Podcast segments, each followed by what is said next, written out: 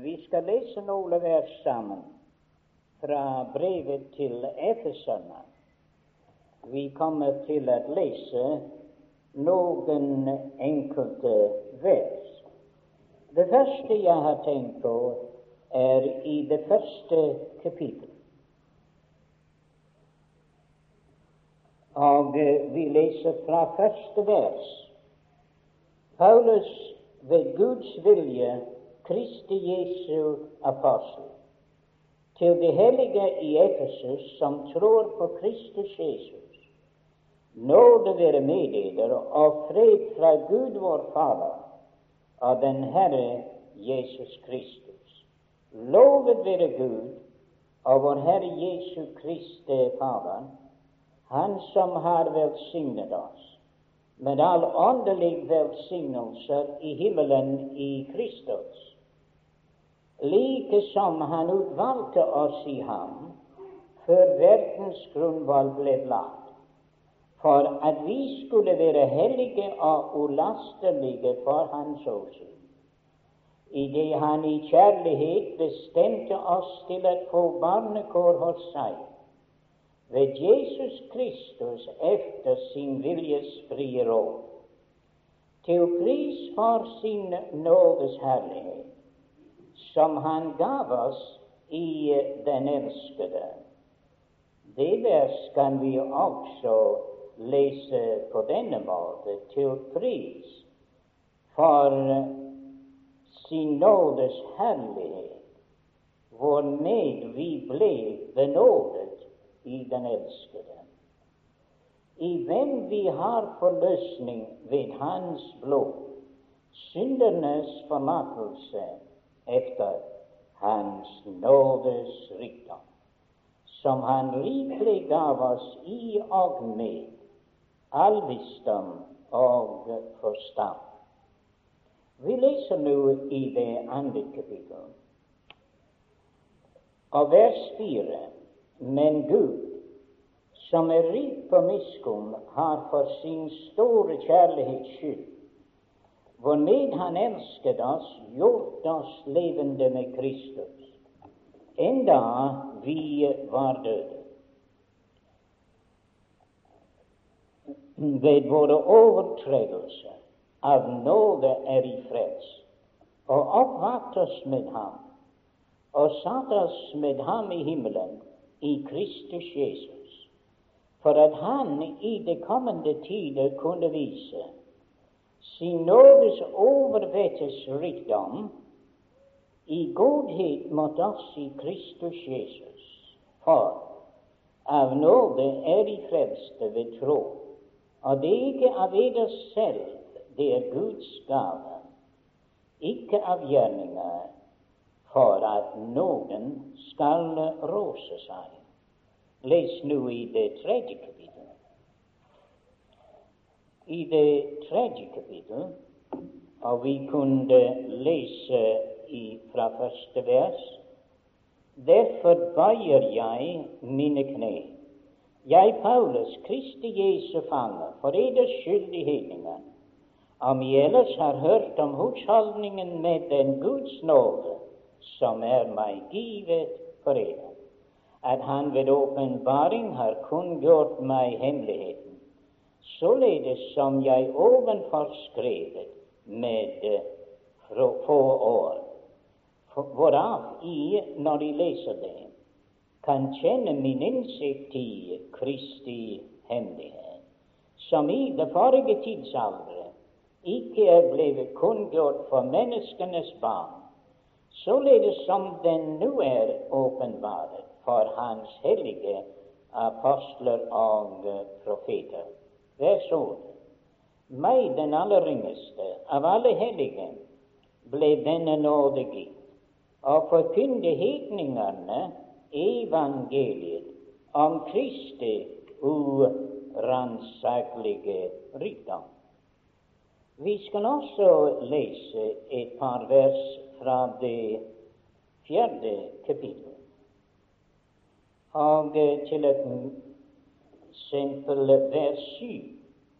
Men hver og en av oss er nåden gitt efter det mål som Kristi gave til måles.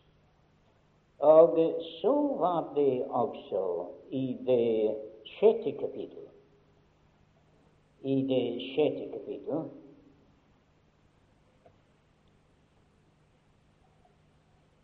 Og der ved eh, det siste vers, 24, nåden være med dere alle, som Hem elsker vår Herre Jesus Kristus i uforgjengelighet. Nå eh, må Herren da rikelig velsigne for oss lesningen av sitt dyrebare ord.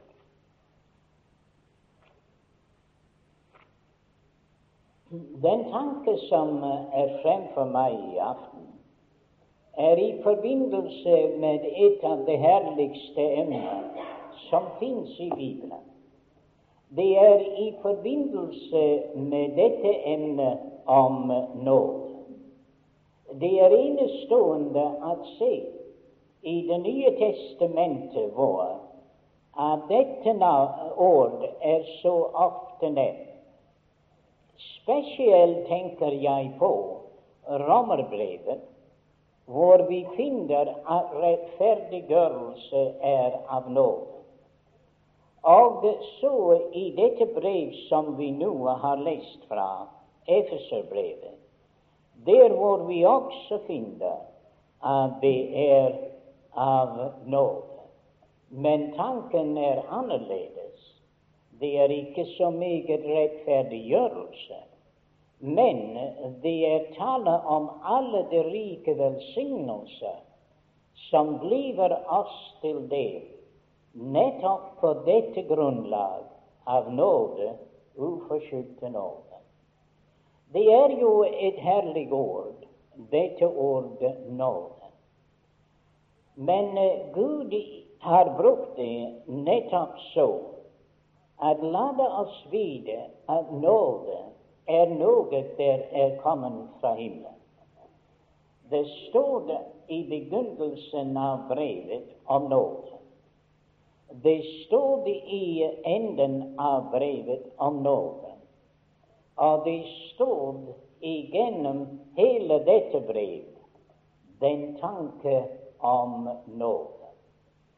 Således er det det er nåde å begynne med, og det er nåde å slutte med, og det er nåde helt igjennom. Tenk på det at han sier nåde fra Gud vår Fader og vår Herre Jesus Kristus. Vi må være klar over kilden til nåde. Det er nåde fra Gud vår Fader og den Herre Jesus Kristus. Det er en veldig tanke for oss å tenke dette, å være benådet. Om jeg skulle ha en tittel for dette brev, jeg ville kalle det for 'Benådet i den elskede'. Det er veldig å tenke på det, at stå benådet i den elskede.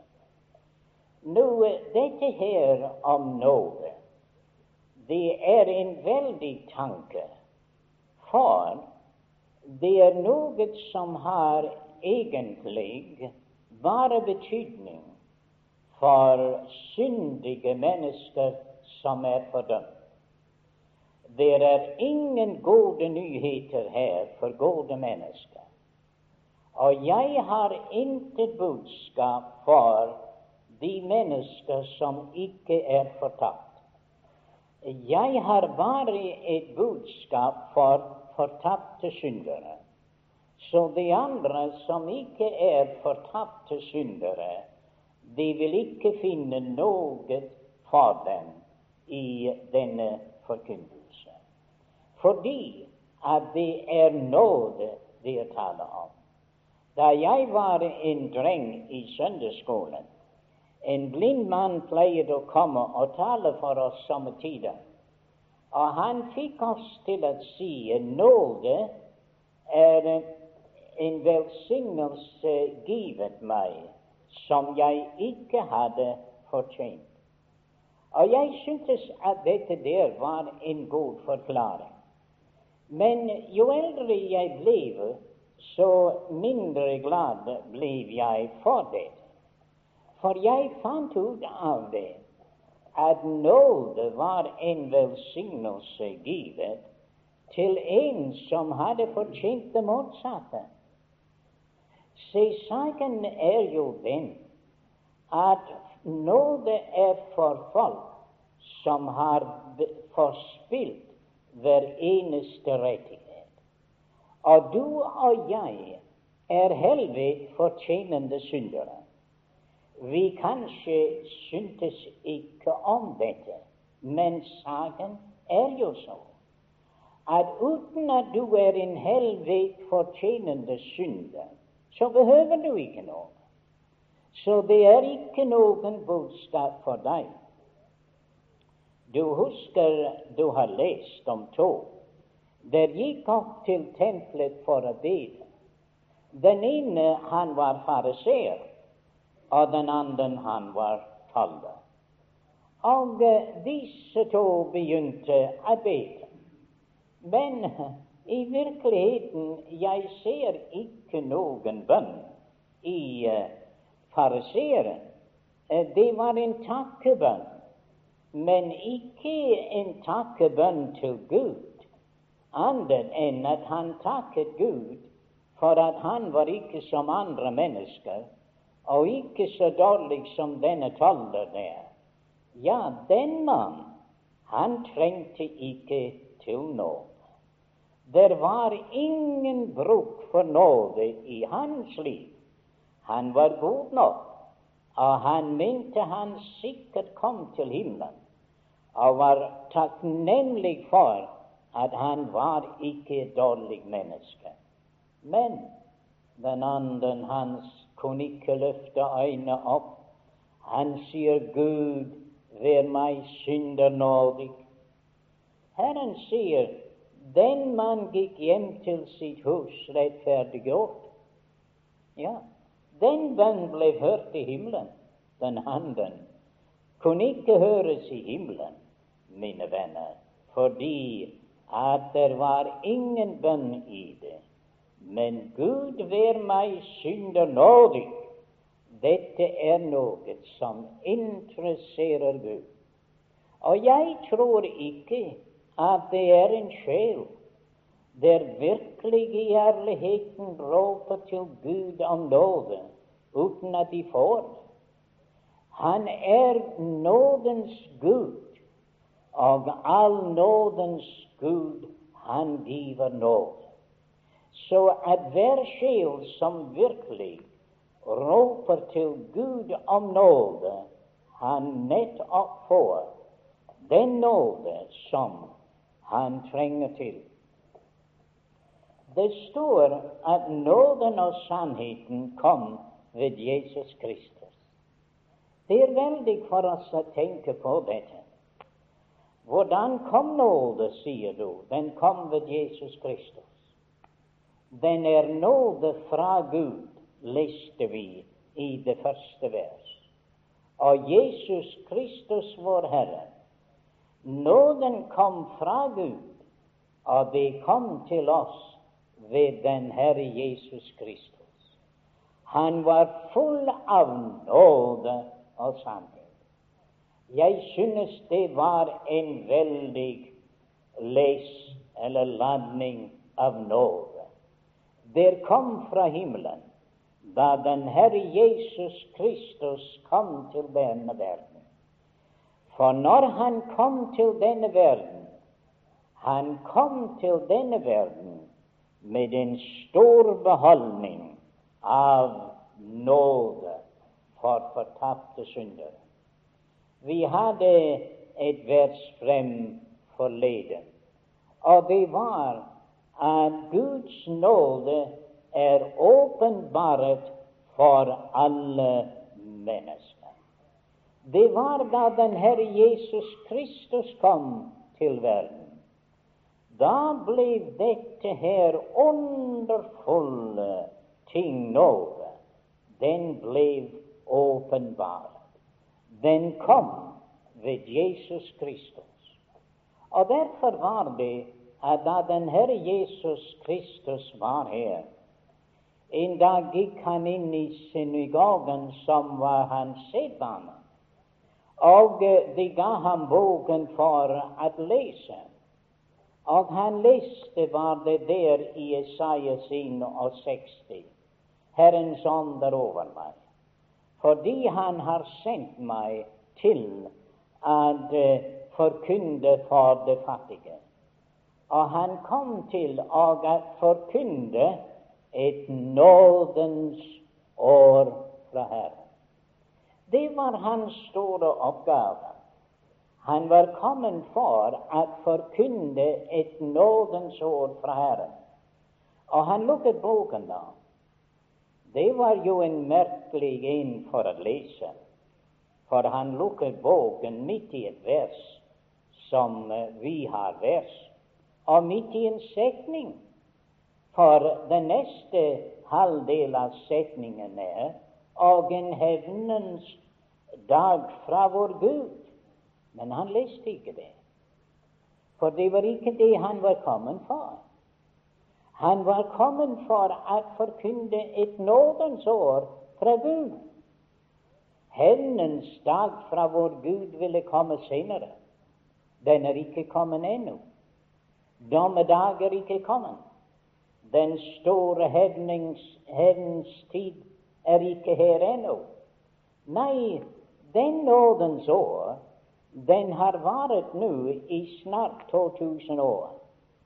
Det var Paulus som sa i Korinterbrevet at eh, nå er den velbehagelig tid. Hvis du leser den uh, oversettelse av Isaiah 60 der i Lukas evangelium, istedenfor et nådens år står den velbehagelige tid. Men det er jo akkurat det samme. Se, nå er den velbehagelige tid, eller den nådens år. Nå er frelsens dag. Og det er jo en merkelig ting at den dag som vi lever i, er en nådens tid. Og nådens tid har vært i snart 2000 år. Inn han trodde han skulle sette meg fast. Han sa, ja, du taler om en nådens tidshusholdning. Det er ikke noe der heter det. Men jeg sa hvorfor. Han sier fordi at den der ble frelst, alle, i hvilket som helst tidshusholdning de lever, de ble frelst av nåde. Det kan vel være sant, sier jeg, men Bibelen taler om en husholdning med denne nåde at det var en husholdningstid med denne nåde. Og venner, Herren lot oss vite at nå er nådens dag. Nå er nådens tid. Ja, hva mente han? Og jeg sa til den mann, dette er givet, at enkelte syndere her og der ble frelst av nåde fordi det er ingen annen måte å være frelst på. Aldri har noen vært frelst ved loven. Jeg talte ved en adventist, og jeg bad ham om å vise meg hvor noen ble frelst ved loven, men det kunne han ikke. Men jeg sa til ham jeg kunne vise deg hvor noen ble dømt ved loven, og de ble dømt til døden.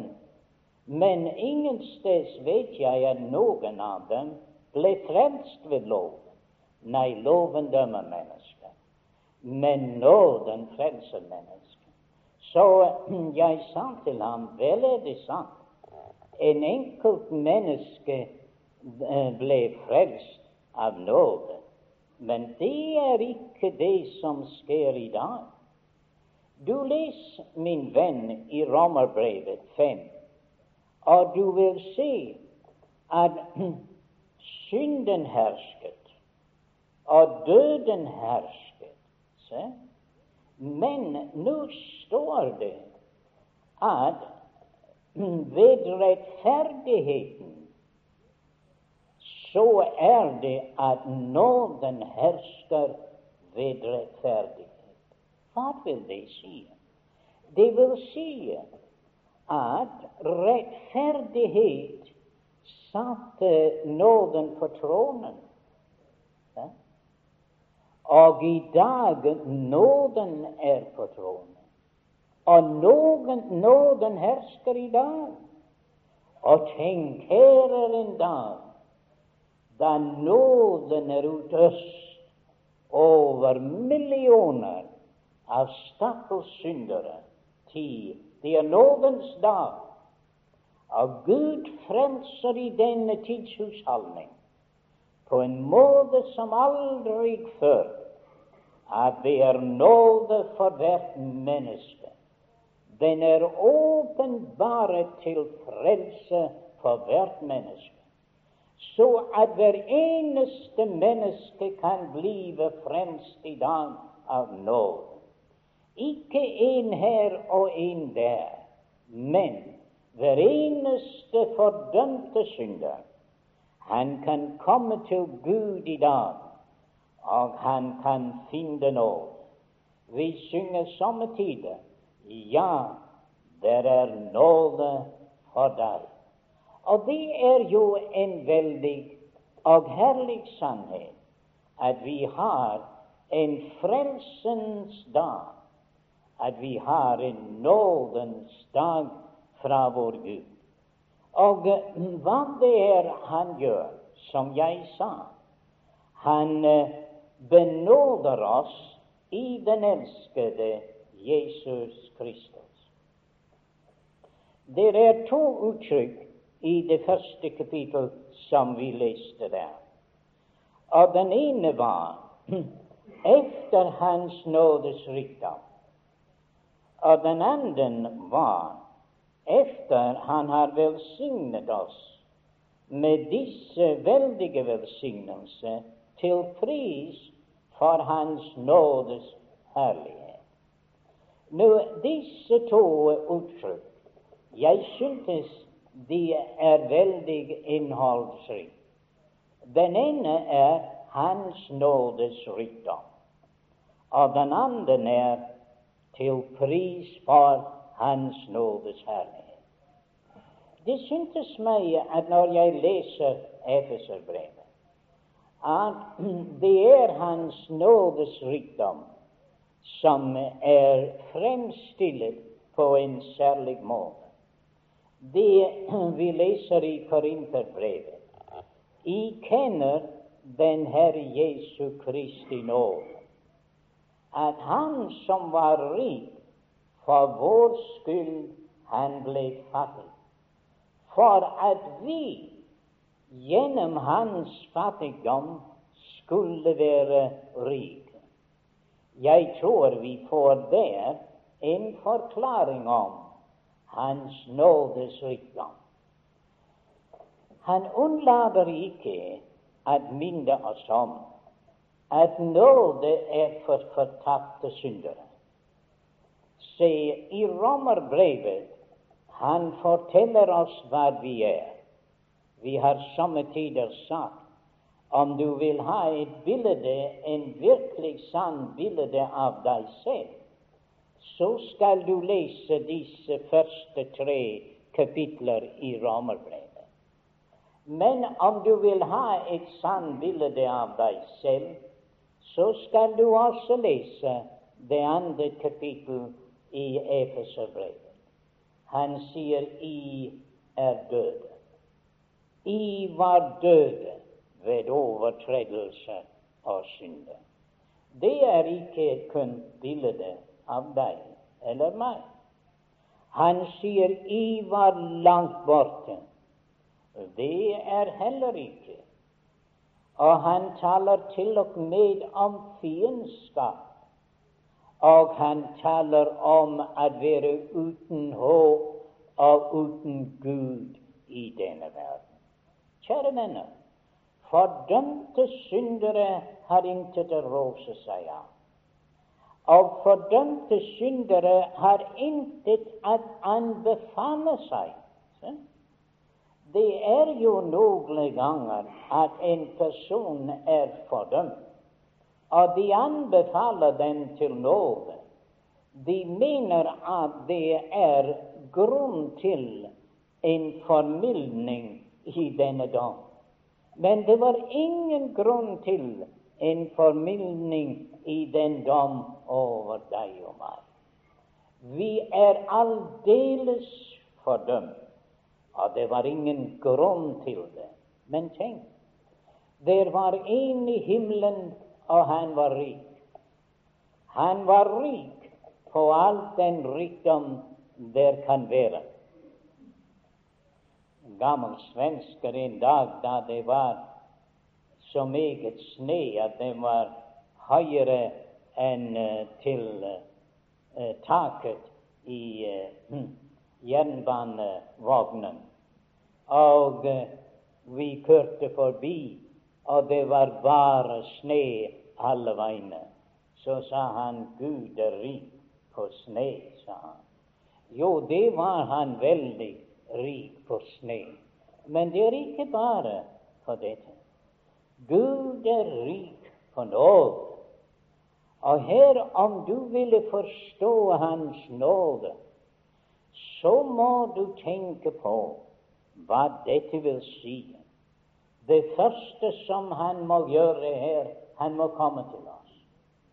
Det var intet håp om redning for oss han må komme til oss.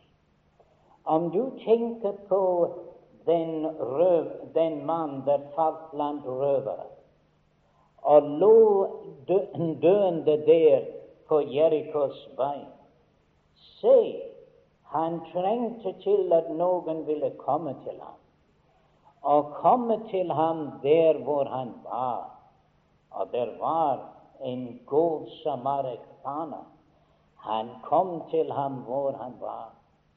I kjenner den Herre Jesu Kristi nåde, at han som var rik for vår skyld, han ble fattig da han var rik, for at vi gjennom hans fattigdom kunne bli rike. Den første i nåden var at han må komme til oss. Og kjære venner, vi vet hvor det var han møtte oss. Han møtte oss ikke i Betlehem. Nei, det er ingen frelse for oss der. Han møtte oss ikke endog i Getsemane, for det er ingen frelse for oss der. Men han møtte oss i dybden av Golgata. Ingen har vært så fattig som den Herre Jesus. Hvem er så fattig at han ikke har et hjem og et sted å holde hovedet til? Men Jesus sier menneskesønnen. Han har ikke sted å holde hovedet til. Og hvem er det det er så fattig at han har ingen ernæring, at han er avhengig av at andre de sørger for ham. Han sier 'vis meg en penning'. Og det synes meg at Herren han gikk igjennom denne verden uten å røre med dette der. Når han ville ha noe å betale skatt, da var det han sier til Peter du kan hente en fisk, det blir for deg og for meg. Jeg tror neppe at det var nødvendig han skulle gjøre det, men han vil ikke ha noen diskusjon om det. Men når han ville eh, diskutere om penning, og de stillet et spørsmål, så sier han 'vis meg en penn'. Og hvis navnet der, og hvis bildet er der, og det er keiseren, sier det, ja, så gi keiseren hva keiseren tilkommer, og Gud hva Gud tilkommer. Men kjære venner, han vandret som fattig den igjennom denne verden. Og de kvinner der fulgte der, det var dem de støttet ham med deres formue. Den Herre Jesus vandret som en fattig mann i denne verden og vandret iblant fattige folk. Men hvem er så fattig at han ikke har venner? Men den Herre Jesus ble så fattig at endog hans venner forlot ham. De alle forlot ham og flyktet, og han var alene. Ja, men hvem er så fattig at han ikke har Gud til sin venn? Men Jesus sa, 'Min Gud, min Gud, hvorfor har du forlatt meg?' Han gav sitt livs blod. Han gav sitt alt for deg og for meg. I kjenner den Herre Jesu Kristi nåde han måtte komme til Golgatas kors. Og her er det står at det var der hvor rettferdigheten og vår fred de kysset hverandre. Se? Her er det ved Golgates kors all Guds herlighet og rettferdighet og oppriktighet og alt der var i Gud, der var imot oss. Den møtte med alt der var i Gud, der var for oss. Hans kjærlighet og hans rettferdighet, de omfavnet hverandre. Og da ble det, hadde jeg nesten sagt, en ny produkt og hva er det? Det ble nåde. Ja? Nå, nåde er ikke bare kjærlighet. Nei. Kjærlighet er noe for seg selv. Men nåde har i seg også rettferdighet. Men den har også kjærlighet. Se, David var kjærlig, men han øver kjærlighet på rettferdighetens bekostning. Absalom, han burde dø. Se? Men David tok ham tilbake til Norge uten at dommen var satt over mannen og utført over ham. Se, det var kjærlighet på rettferdighetens bekostning. Men det kan Gud ikke gjøre. Nei. Gud kan ikke benåde deg uten at dommen er utført. Den skal utføres. Og dommen ble utført på Golgates kors. Så der var det at Guds kjærlighet Se, Guds rettferdighet forlangte et offer. Og Guds kjærlighet brakte dette offer. Og der på Golgates kors vi ser at hva Guds, Guds rettferdighet forlangte, at Guds nåde anskaffet, og Kristus ble en soning for våre synder. Han kom til oss, og han møtte oss der, og han kunne møte oss i nåde. Så kjære venn, du behøver ikke å være redd for Gud, for dette kors er blitt en nådestål i hans blod. Her kan du møte Gud. Du kan møte ham ved nådestolen. Kjære venn, kom der, og du skal finne at det er nåde for deg. Så jeg er glad for at Golgates kors er en nådestol. Og at hver synder kan møte Gud der, og kan møte Gud og få nåde. Og tenk hvor veldig. Men nå sier de også nåde efter at det er efter Hans nådes rikdom. Ah, glem ikke det. At Gud er rik på nåde. Og om du kunne forstå den rikdom i Guds nåde, så tror jeg det vil gjøre oss alle sammen overmåte glad.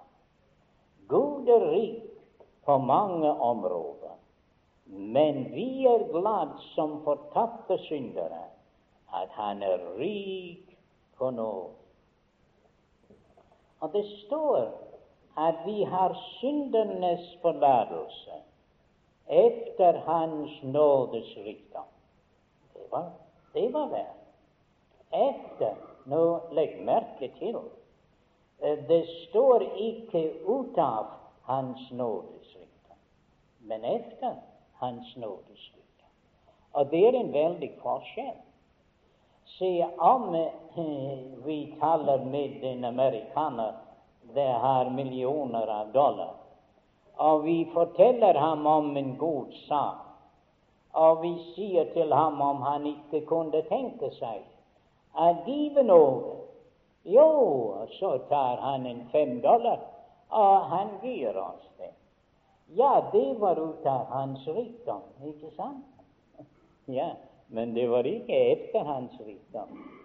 For hvis han ga etter sin rikdom, så hadde det vært mange flere dollars. Se, det er forskjellen. Men når Gud han giver noe, det er ikke ut av sin nådes rikdom, men det er efter det. Og derfor er det så veldig at så stor en synder som du er, det er nåde for deg. Paulus han talte om denne nåde, og han sa at den var over dette stor med tro på kjærlighet. Det var like som om den nåde, den var så rik at den likefrem strømmet over hans sjel efter hans nådes rikdom.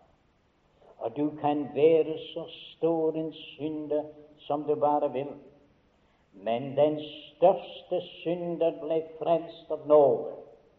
Og hver eneste synder kan frelses av nåde. Hans nåde er over dette store riket og han vil give deg syndernes forlatelse efter Hans nådes rikdom. Det er veldig. Så kjære venn, kom til den frelser, og du vil få en benådingsbrev. Og på det vil stå at han har utslettet alle dine synder at han har gjort deg rettferdig i Kristus. Og det vil stå på den og Guds stempel, himmelens stempel på den, benådet i den elskede. Kjære venn, hva kunne være bedre enn det? Du kunne komme inn på dette møtet en fordømt synder, og du kan forlate det med dette dokumentet i ditt hjerte, benådet i den elskede, efter Hans nådes rikdom. Det står at Gud er rom og forlate. Han vil fullstendig utslette alle våre overtredelser. Så, kjære venn, kom til den frelser fordi han er en frelser som fullstendig vil benåde deg. Og en mann som er benådet, han har intet å frykte. Dommen er forbi, og det er ingen fordømmelse for dem som er i Kristus Jesus. De er benådet i den elskede.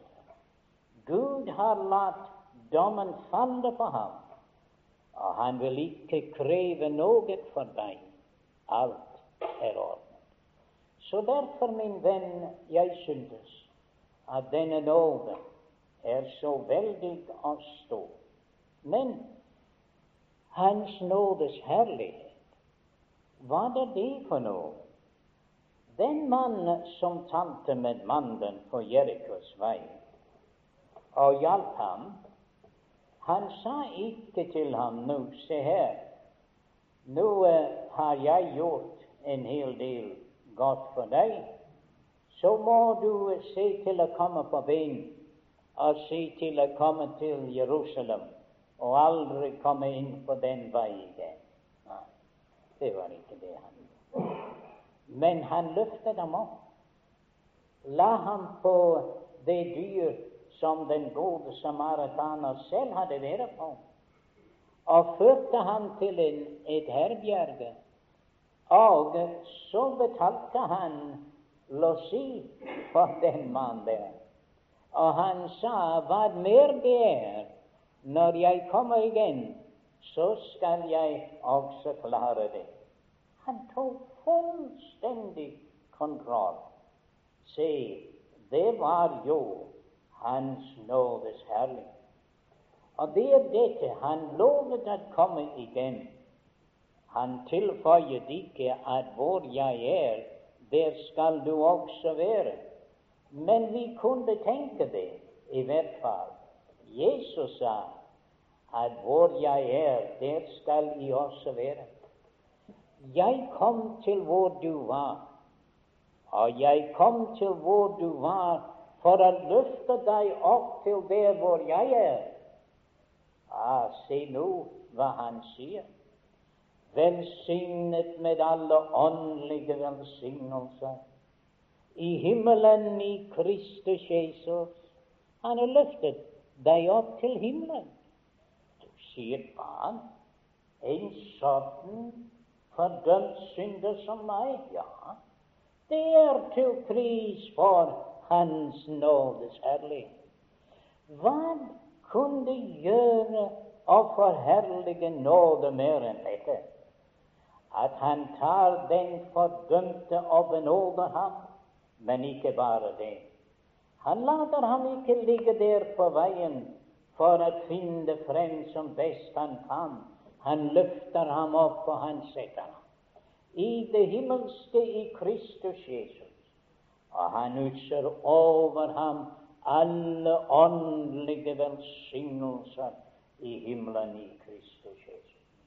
Det er ikke bare at han fjerner, fjerner dine synder, mine venner, men det er at han ikleder deg Kristus, og han giver deg alt hva himmelen kan øse over deg. Hans nådes herlighet til pris. Så det er veldig at være, som vi har sett, en benådig, en benådet synder med alt dette for deg. Og du sier hva det er betingelser. Det er ingen betingelser. Med nåde det fins ingen betingelser. Jeg har jo hørt kanskje om Elisabeth den første i England. Det var noen som ikke syntes om henne, og de besluttet å drepe henne. Og en tjenerinne hun var tatt for å gjøre dette, utsett å gjøre det, og hun hadde en dolk skjult i sitt tøy. Så uh, hun var, skulle til en ball og en fest, og så skulle hun benytte anledning. Da. Men det var noen der hadde fått vite om det og hadde hvisket til dronningen, og så ble hun tatt en kvinne, oppdaget, og der stod hun med dolken i sitt hånd. Men hun falt ned for dronningen og bad om lov. Og dronningen, da hun så hvor forferdelig fint hun var. Hun benådet henne. Men hun sa på de betingelser at du forlater det engelske riket og aldri sette fot i England igjen. Hun sa Deres Majestet, nåde på betingelser er ikke nåde. Dronningen forstod det. Du er benådet uten betingelser. Ja. Og hun falt ned for hennes føtter. Jeg blir din tjenerinne for livet. Da kan du forstå. Helt overgivet. Nåde var så overveldende at hun ville tjene den som hadde benådet. Kjære venner, vi er benådet. Og å være benådet, jeg synes at det betyr så usigelig meget for oss. Nå, eh, Vi hadde talt om den husholdning med denne nåde, og om alt hva det giver. For det er det jeg ville si også, at denne husholdning, den frelse som vi får i dag, er langt utover noe annet som har vært eller skal være. At Gud har gjort en spesialitet ved denne tids husholdning. At dem som han tager til nåde i dag, han løfter dem opp for å være Kristi brud og være hos ham i vinterlivet. Det er kalt en hemmelighet. Kristus og menighet. Det er Guds mesterstykke, og aldri har det vært menneske, og heller ikke blive mennesker, der ville oppnå en sånn nåde som du oppnår i dag ved troen på den Herre Jesus. Om vi forstår hva Gud har lagt opp for oss. Jeg tror vi ville være annerledes som kristne. Vi vil tjene ham av ganske hjerte. Og Det er derfor vi taler om denne nåde. For at vi kunne se, se hva det virkelig er. Det er noen der sier at vi forkynner nåde. Og vi er fremst av nåde, så du kan gjøre hva du vil. Det er ikke hva skjer, min venn. Den der ikke forstår nåde, ja, de lever et ryggeløst liv. De vender Guds nåde til ryggeløshet. Men den der forstår nåde, det er på deres ansikt for ham. Og de vil tjene den Gud som har vist dem sånn nåde av takknemlighet. Og jo bedre du forstår hva for en nåde du har vært gjenstand for, jo bedre du vil tjene Herren og vende deg fra alt som vil gjøre ham så. så at vi burde forstå hva for en husholdning det er, og hva for en nåde vi har opplevd. Men alt er nåde. Det var nåde til å begynne med, men Paulus sier til meg ble nåde given. Hva vil dette si? Det vil si nåde til å tjene ham. Og Gud sa til Paulus også min nåde er deg nok. Og det var i forbindelse med lidelse. Nåde til et lide. Og han sier også men se til at de ikke forgeves tager imot Guds nåde. Du sier hva vel dette sier? At ta imot Guds nåde forgeves. Han sier Guds nåde var ikke forgeves for meg, sier Paulus. til jeg arbeidet mer enn dem alle. Hvis at du får nåde til å tjene Gud, og du ikke tjener Ham, så er det nåde forgjeves. Ja. Det har intet med din frelse å gjøre, men det har med din tjeneste å gjøre. Unge mann, om Gud har givet deg en gave til å tjene Gud, du Det vil være forgjeves hvis du ikke bruker det til det. Du sier det har jeg ikke tenkt på. Gud har givet hver en nådegave, og den er en nådegave. Og la oss forstå det er en nådegave. Tenk, her er jeg, og jeg står her som jeg sier det, den herligste av alle tjenester. Jeg kunne ikke ha vært satt til noe større eller noe bedre. Har jeg fortjent det? Aldeles ikke, mine venner. Jeg faller ned for min frelse, og jeg bekjenner at jeg er uverdig til en sånn tjeneste og udyktig og uskikket i meg selv. Men kjære venner, en nåde er meg givet. Og ved meg om jeg ikke forkynner evangeliet, sier Paulus. Ja, og ved deg også, min venn, om Gud har givet deg en nådegave. Det er en nåde. Og Paulus, han takket Gud at Gud hadde benådet ham. Så du må ikke tenke at du har en gave, og det er like meget om du bruker det eller ikke. Du, kjære Guds barn, det er en nåde. Og du skal heller ikke forspille den nåde. En nåde å tjene Gud.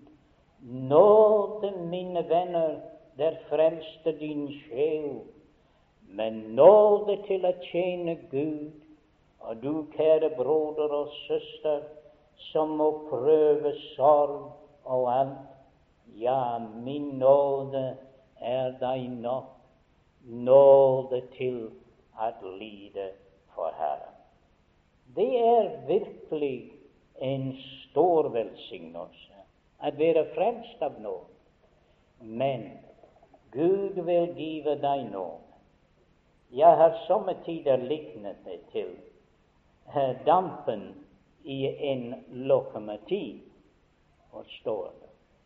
Og der er det at i den lokomotiv der er det damp for å drive det. Men hvis man ikke skrur på det der, ja, så blir den stående på skinnene og ingenting skjer. Men bare dreie den lille knapp, og så skal du se. Da er kraften der. Den er der. Og det er en masse folk som roper om kraft. Men nåden er der. Han har givet oss nåde. Og det er kraften til tjeneste. Dreie på knappen. La den Guds nåde strømme ut og du kan tjene ham. For det er han din herlige forrett. Han har givet oss nåde. Men så er det dette at det er også nåde til slutt. Han sier i slutten av det vår Herre Jesu Kristi nåde være med deres om, brødre ja, nå var det det, den uh, Galaterbrevet jeg leste. Men nåden være med alle dem som elsker vår Herre Jesus Kristus i uforgjengelig. Det viser seg at Paulus det var på denne måten han sluttet sine brev, med en anmerkning om Guds nåde. Og her er det nåde til alle dem som elsker den Herre Jesus Kristus i uforgjengelighet. Det er et sterkt uttrykk i uforgjengelighet. Ja. Og den som elsker den Herre Jesus, ja, den som har forstått denne nåde, jeg skal love for han vil elske den Herre Jesus i uforgjengelighet. De blir rent himmelskjærlighet. Det er jo dette. Hvorfor er det at vi tjener Herren? Er det fordi vi elsker Ham? Eller har vi andre motiver, endog i vår tjeneste? Og la det alt sammen falle. Den eneste motiv i tjenesten er at vi gjør det fordi vi elsker ham. Det er fordi han har benådet oss at vi vil leve for ham, og vi vil tjene ham. Så det er nåde også til slutt. Men nåden har en fremtid. Jeg talte ikke om å være frelst av nåden. Det kunne være et emne for seg selv, fordi at det forteller hva nåde gjør for oss som en frelsende krav. Men uh, tiden tillater det ikke. Men la oss understreke bare til slutt. I det andre kapittel av vers 7 vers 6. Og oppvakte oss med ham og satte oss med ham i himmelen i Kristus, for at han i de kommende tider kunne vise sin nådes overvettesrikdom i godhet mot oss i Kristus Jesus. For av nåde er I frelste ved tro, og det er ikke av eders selv. Det er Guds gave, ikke av gjerninger, for at ikke noen skal rose seg. Vi synes å være benådet. Det er stort av velsignet. At være velsignet av denne nåde, så rikdom, beriket av denne nåde.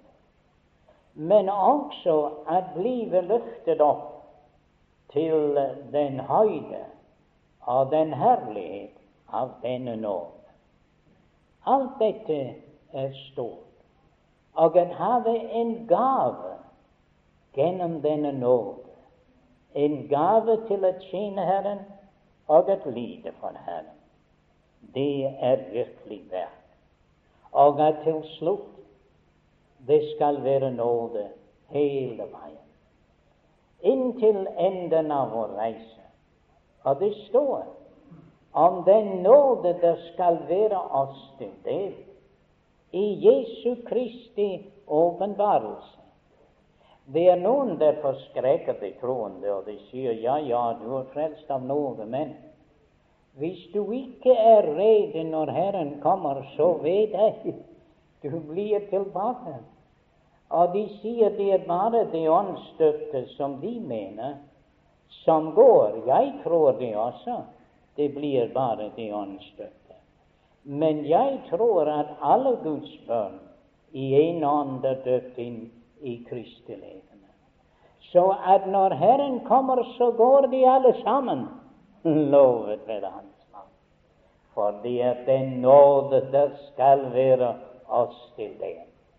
I Jesu Kristi åpenbaring, ikke fortjeneste. Ah, no. De forstår ikke nåde. Det taler på denne måten at vi gjør noen av de ting som Herren har gjort eller vil gjøre for oss, av fortjeneste. Aldeles ikke. Det er nåde over nåde. Nåde fra førstelseshus. Og vet du hva? Nåden skal fortsette inn i det. For det står i det kommende tider Sier du, vet du noe om de kommende tider? Eh, ja, jeg vet en lille smule. Hva Herren har i hvert fall fortalt oss. Jeg har fortalt jeg før om en broder.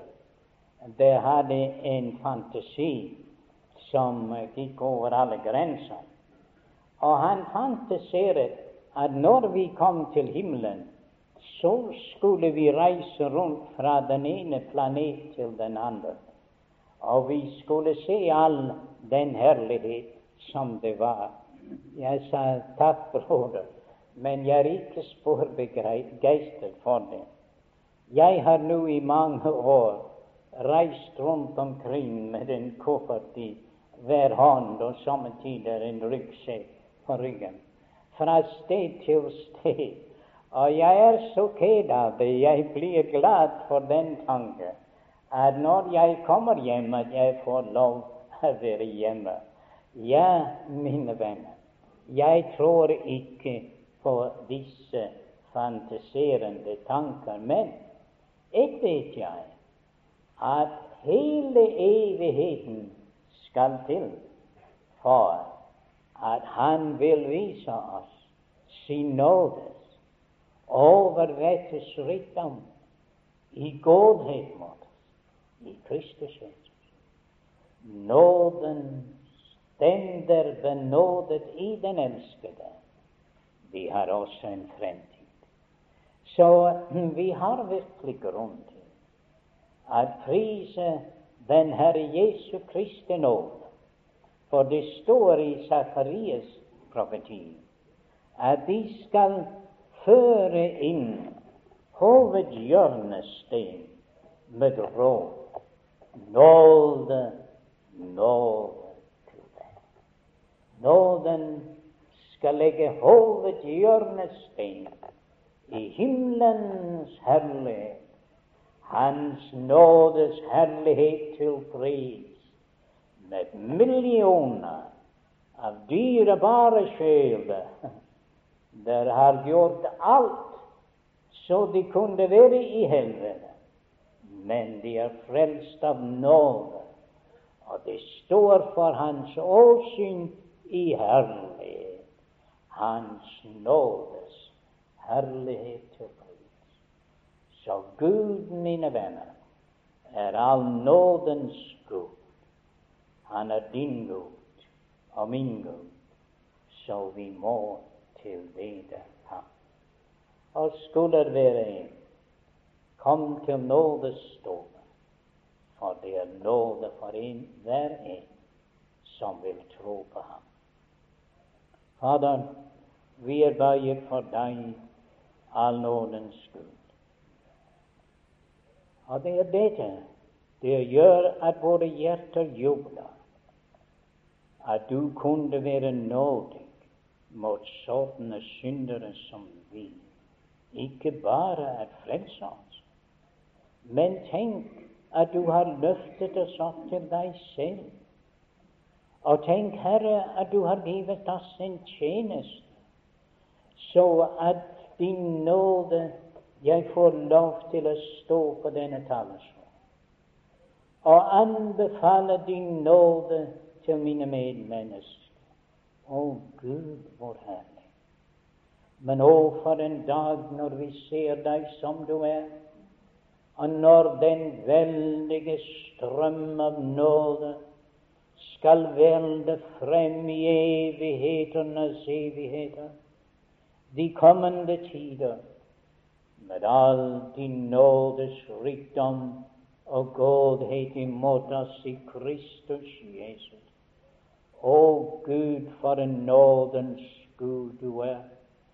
Vi tilbeder deg, og vi ønsker at den nådes kraft du giver oss, må ikke være forgjeves, men at vi må tjene deg av hele vårt hjerte i kjærlighet, inntil den dag vi ser deg som du er. Takk for denne stund, at vi kunne meditere på din nåd. Og Fader, velsign for oss hver især i vår Herres Jesu navn.